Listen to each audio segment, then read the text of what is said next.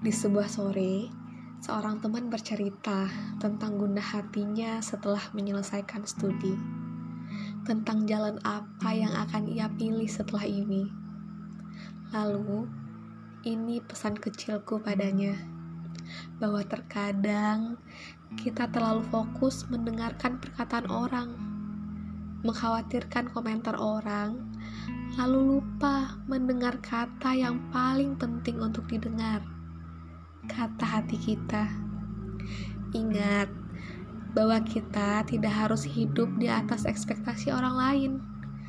Hidup kita, kita yang pilih, kita yang jalani, kelak kita juga yang bertanggungjawabkan.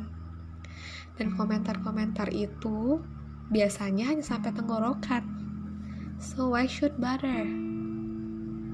Beberapa pilihan kita mungkin tidak populer, tidak fancy, tidak hebat, tapi tak mengapa, karena apa pun yang kita pilih saat kita benar-benar bahagia, saat keputusan itu benar-benar datang dari hati kita, kepuasannya beda, bahagianya beda.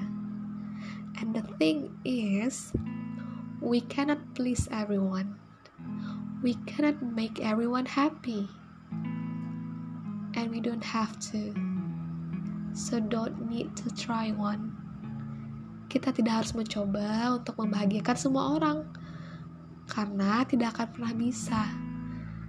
Intinya, selagi kamu yakin dengan apa pun yang kamu kerjakan dan Allah ridho dengan itu, just go on.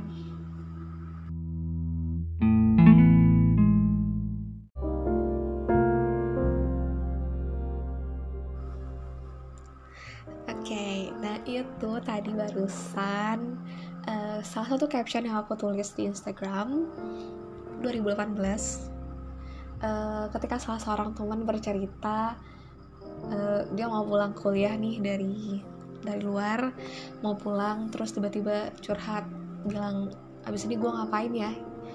Kayaknya tuh impian terbesar gue udah tercapai. Yang waktu itu impian terbesarnya adalah kuliah ke luar negeri udah selesai terus habis itu ngapain? Pulang-pulang tuh harus ngapain gitu? Karena ketika pulang pasti keadaannya sangat berbeda. Kita pulang dengan um, yang biasanya tuh kejadiannya jadi reverse culture shock. Jadi culture shocknya justru ketika pulang ke Indonesia. Karena kondisinya berubah semua uh, kesenangan dan kenyamanan ketika berada di luar itu mungkin akan sulit didapatkan lagi ketika di Indonesia ada segala macam gitu. Jadi itu sudah menjadi hal yang umum terjadi ketika seseorang baru pulang dari luar gitu.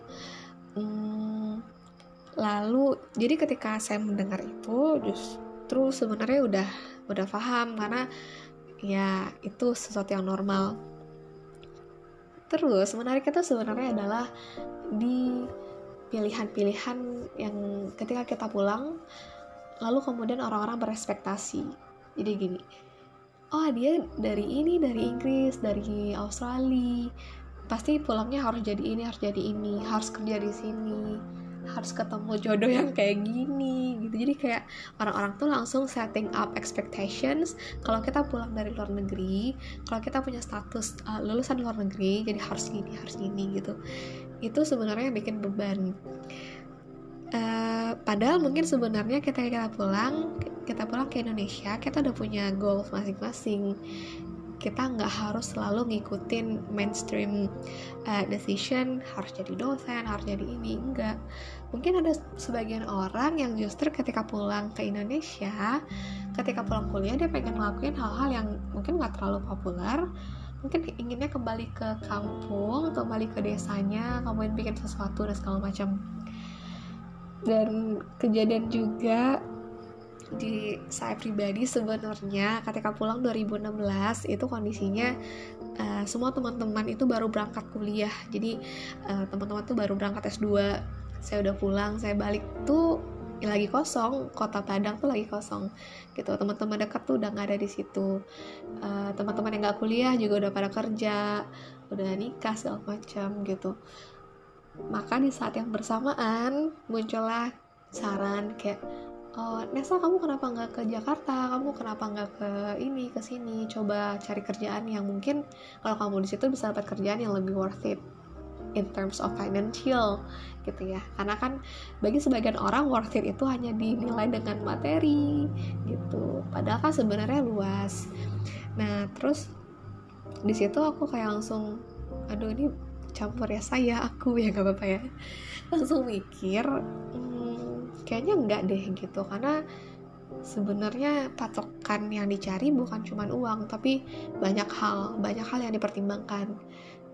Waktu awal-awal pulang emang agak idealis karena uh, balik dari UK pengennya oh bikin sesuatu lah contribute something segala macam ke daerah gitu idealis banget karena mikirnya gini dulu bilang ke teman uh, di ibu kota udah banyak yang ngurusin maksudnya tuh ngurusin uh, dalam artian yang peduli sama pendidikan yang bergerak di bidang pendidikan tuh udah banyak gitu. Jadi mungkin kalau di Sumbar masih belum terlalu banyak.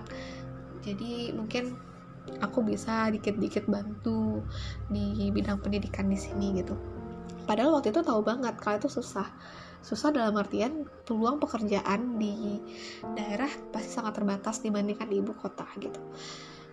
Terus uh, muncullah bisikan-bisikan kayak oh ya udah ke ibu kota aja ngapain di Padang? Ada ini kerjaan juga terbatas gaji kecil segala macam gitu. Tapi pada akhirnya kalau kita balik lagi ke ikigai yang kita omongin di episode lalu yang sudah uh, sekian purnama enggak baru kayaknya bulan lalu. Bahagia itu nggak cuma datang dari uang ya nggak sih? Jadi ada empat faktor. Uh, jadi uh, komponen ikigai itu ketenangan hidup keseimbangan hidup itu bukan hanya ketika kita kerja untuk sesuatu yang dibayar gitu. Tapi juga untuk sesuatu yang memang mungkin dibutuhkan sesuatu yang dibutuhkan dunia. Ini dunia gede banget ya. Sesuatu yang dibutuhkan daerah lah gitu. Itu ketika kita bisa ngelakuin sesuatu yang memang dibutuhkan oleh banyak orang itu juga bahagianya luar biasa. Priceless. Kemudian juga ketika kita bisa ngerjain sesuatu yang kita suka dan memang dunia butuh itu itu juga bahagianya beda gitu. Walaupun mungkin secara finansial tidak terlalu banyak gitu. Kemudian juga itu pada akhirnya yang membuat saya bertahan di kota Padang. Ya udahlah nggak apa-apa. Emang ini pilihannya walaupun ini mungkin pilihannya tidak populer untuk stay di daerah sementara segitu banyaknya peluang pekerjaan di ibu kota nggak apa-apa.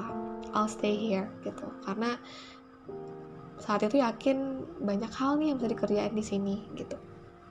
Terus habis itu insya Allah uh, sudah berjalan 4 tahun hampir 4 tahun setelah kepulangan dari UK dengan uh, starting point yang sangat tidak mudah sempat apply sana sini. Ini orang-orang nggak banyak yang tahu jadi apply sana sini terus ditolak gak direspon gitu. Jadi sebenarnya juga eh, status tamatan luar negeri itu nggak menjamin tetap ketika kita balik ke Indonesia kita tetap harus mulai dari awal gitu. Ini yang banyak orang nggak tahu jadi kalau orang-orang berpikiran oh tamatan luar negeri pasti gampang dapat kerja gitu. No no way tetap harus berjuang bareng-bareng dari awal.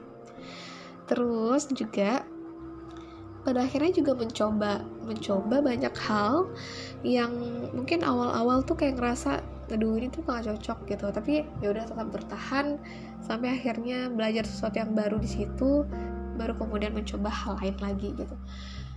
Dan tanpa disadari uh, karena sudah berada pada posisi um, menjalani maksudnya mencoba untuk menikmati semua yang dijalani. Kemudian dihadapkan pada banyak hal pada banyak uh, kesempatan alhamdulillah dan semuanya bareng-bareng dijalanin gitu.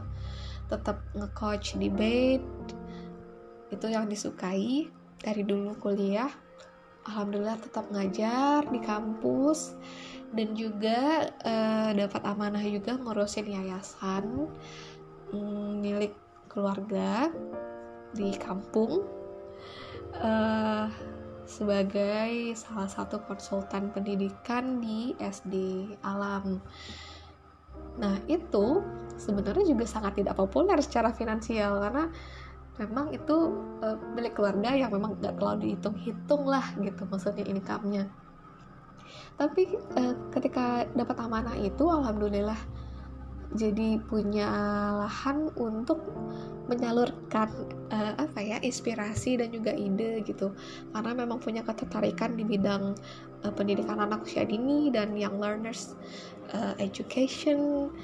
Kemudian jadi punya lahan untuk uh, ngembangin untuk me, apa ya untuk mencurahkan apa yang selama ini kepikiran gitu. Jadi ternyata semesta mendukung untuk pada akhirnya memberikan peluang-peluang untuk mengerjakan hal-hal yang bikin happy gitu yang bikin uh, merasa konten merasa cukup merasa fulfill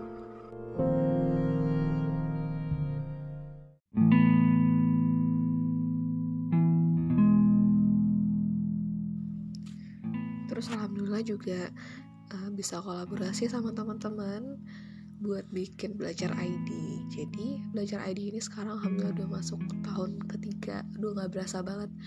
Konsepnya uh, startup dan di sini kita berkolaborasi dengan beberapa teman lain. Jadi aku ajak kerja sama teman-teman alumni LPDP yang lain. Jadi kita bikin platform buat belajar konsepnya sebenarnya online dan offline. Uh, dan awalnya itu fokusnya di IELTS, TOEFL tapi makin ke sini kita ngelihat makin banyak kebutuhan untuk uh, skill lain. Terus kita juga bikin akhirnya kelas menulis menulis untuk media massa menulis jurnal menulis fiksi gitu. Jadi emang fokusnya di uh, upgrading skill. Kita pengen di pelajar ID kita bisa provide uh, apa aja gitu skills yang dibutuhkan untuk uh, survive di masa-masa sekarang ini. Dan emang akhirnya alhamdulillah berasa banget karena makin ke sini kita gak cukup hidup dengan satu skill gitu. Karena semakin banyak skill yang kita kuasai semakin banyak juga kesempatan untuk kita upgrade uh, karir, upgrade income, segala macam gitu. Jadi uh, tapi misi sebenarnya dari awal belajar ID adalah memudahkan memudahkan. Karena aku punya pengalaman dulu waktu prepare IELTS itu mahal banget dan itu cuma ada di Jakarta waktu itu. 2014-15 itu belum ada IELTS di Padang ada cuma di Jakarta. And at that time I was a fresh graduate belum punya income belum punya penghasilan tapi harus uh, afford 3 sampai 4 juta untuk prepare IELTS and I think it's impossible. Makanya pas aku selesai kuliah aku kayak pengen aku akan provide uh, pelatihan IELTS dengan harga yang lebih murah. Karena aku tahu banget gimana rasanya berjuang gimana rasanya ketika kita pengen sesuatu tapi mahal gitu jadi ini kayak semacam solusi insyaallah untuk bisa uh, kasih akses ke teman-teman untuk belajar tapi dengan harga yang affordable tapi tidak mengurangi, mengurangi kualitas gitu. Alhamdulillah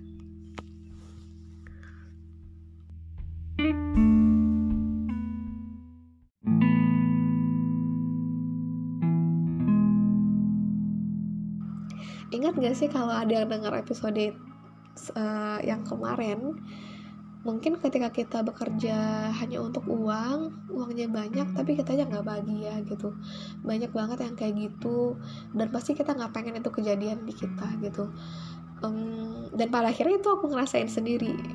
Kayak ada pekerjaan yang bayarannya mahal yang bayarannya banyak tapi aku nggak happy. Jadi dalam artian oh ya udah kerja dapat gaji tapi ya udah gitu aja. Tapi ada juga pada akhirnya pekerjaan yang mungkin secara finansial tidak terlalu populer tapi masya allah tuh bikin happy kayak langsung jadi terapi gitu. Dalam artian kerja tapi nggak capek bahkan bikin nambahin positif energi gitu.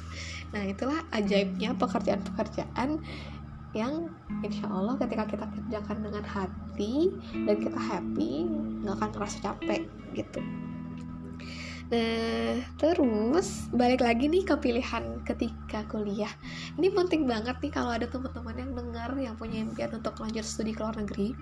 semoga cerita ini bisa jadi reflection dan reminder juga jadi uh, dulu I set my biggest dream as studying abroad buat aku kuliah ke luar negeri itu adalah impian terbesarku like literally my biggest dream at that time. Kemudian ketika akhirnya tercapai bisa kuliah ke luar negeri ke UK uh, itu kan artinya udah udah mencapai impian terbesar gitu kan ya. Udah di puncaknya. Nah ketika kita udah di puncaknya pasti ada fase turun. Ketika lulus dan balik lagi ke Indonesia itu kayak ngerasa berada di fase turun. Kayak udah kehilangan semangat udah udahlah oh udah selesai aja nih kuliahnya udah balik ke Indonesia gitu kayak so what else gitu what's next? Kayak udah gak ngerasa punya energi lagi kayak udah nggak ada lagi yang mau dicapai gitu. So impian terbesarnya udah dicapai kayak udah udah kesampaian gitu. Dia kayak ngerasa berarti ini ada yang salah gitu kayak nggak seharusnya studying abroad ini jadi biggest dream. Harusnya ini adalah media ini adalah jalan cara untuk mencapai the biggest dream. Harusnya biggest dreamnya itu it's bigger than that. It's bigger than studying abroad gitu.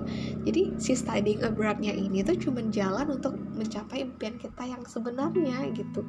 In terms of career dan development dan segala macam gitu ya.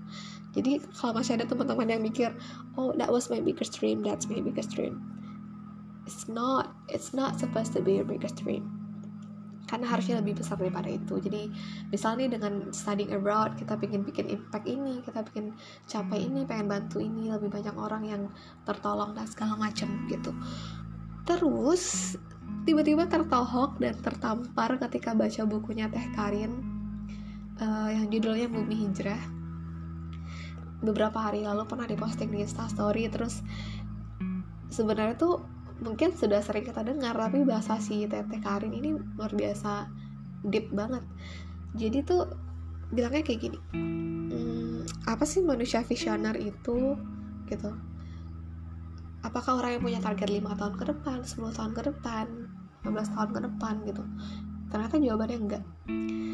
Manusia visioner itu adalah manusia yang memang impiannya itu menembus ruang dan waktu gak cuma perkara dunia tapi juga perkara akhirat.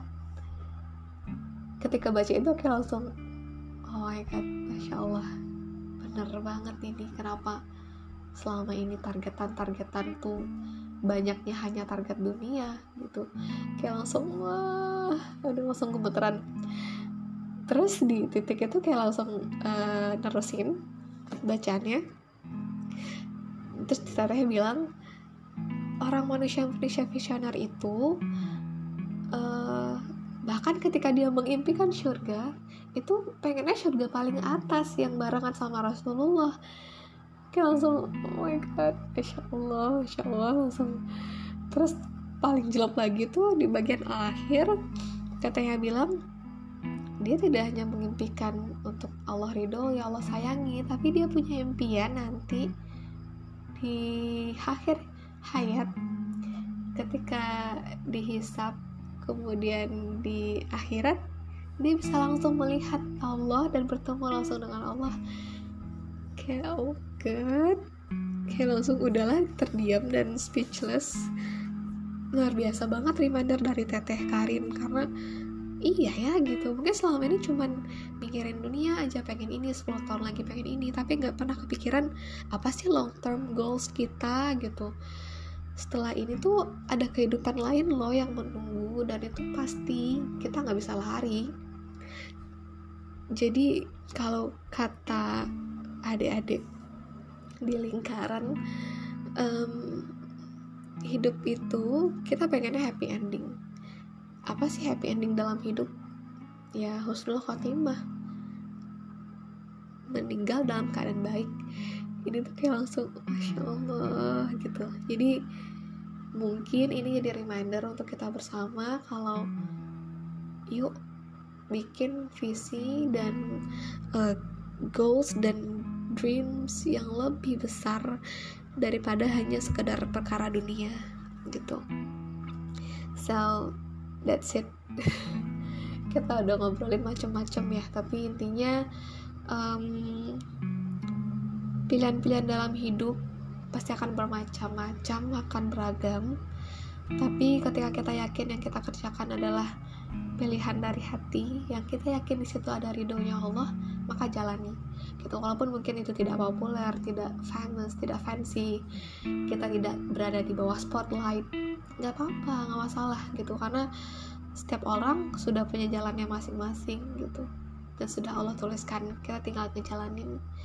Dan ketika kita ngeset sebuah impian, sebuah mimpi dan visi ke depan itu seharusnya lebih luas dan lebih bisa menembus ruang dan waktu gitu. Dan harusnya tidak hanya memikirkan perkara dunia tapi juga perkara akhirat. Karena ada kehidupan lain yang menanti setelah ini. Yang pasti yang kita tidak bisa pernah lari dari situ mau tidak mau pasti akan bertemu gitu. ya semoga apa yang kita obrolin malam hari ini bisa jadi reminder. Dan uh, semoga semuanya sehat-sehat malam hari ini karena emang di recordnya malam. Kalian dengar siang ya semoga bisa jadi reminder tetap intinya semoga semua sehat-sehat dan tetap semangat dan kita perbaiki lagi niat kita sama-sama. Visi misi kita juga harus diluaskan. Gitu. Sekian nanti kita ngobrol-ngobrol lagi di podcast selanjutnya. Bye bye assalamualaikum warahmatullahi wabarakatuh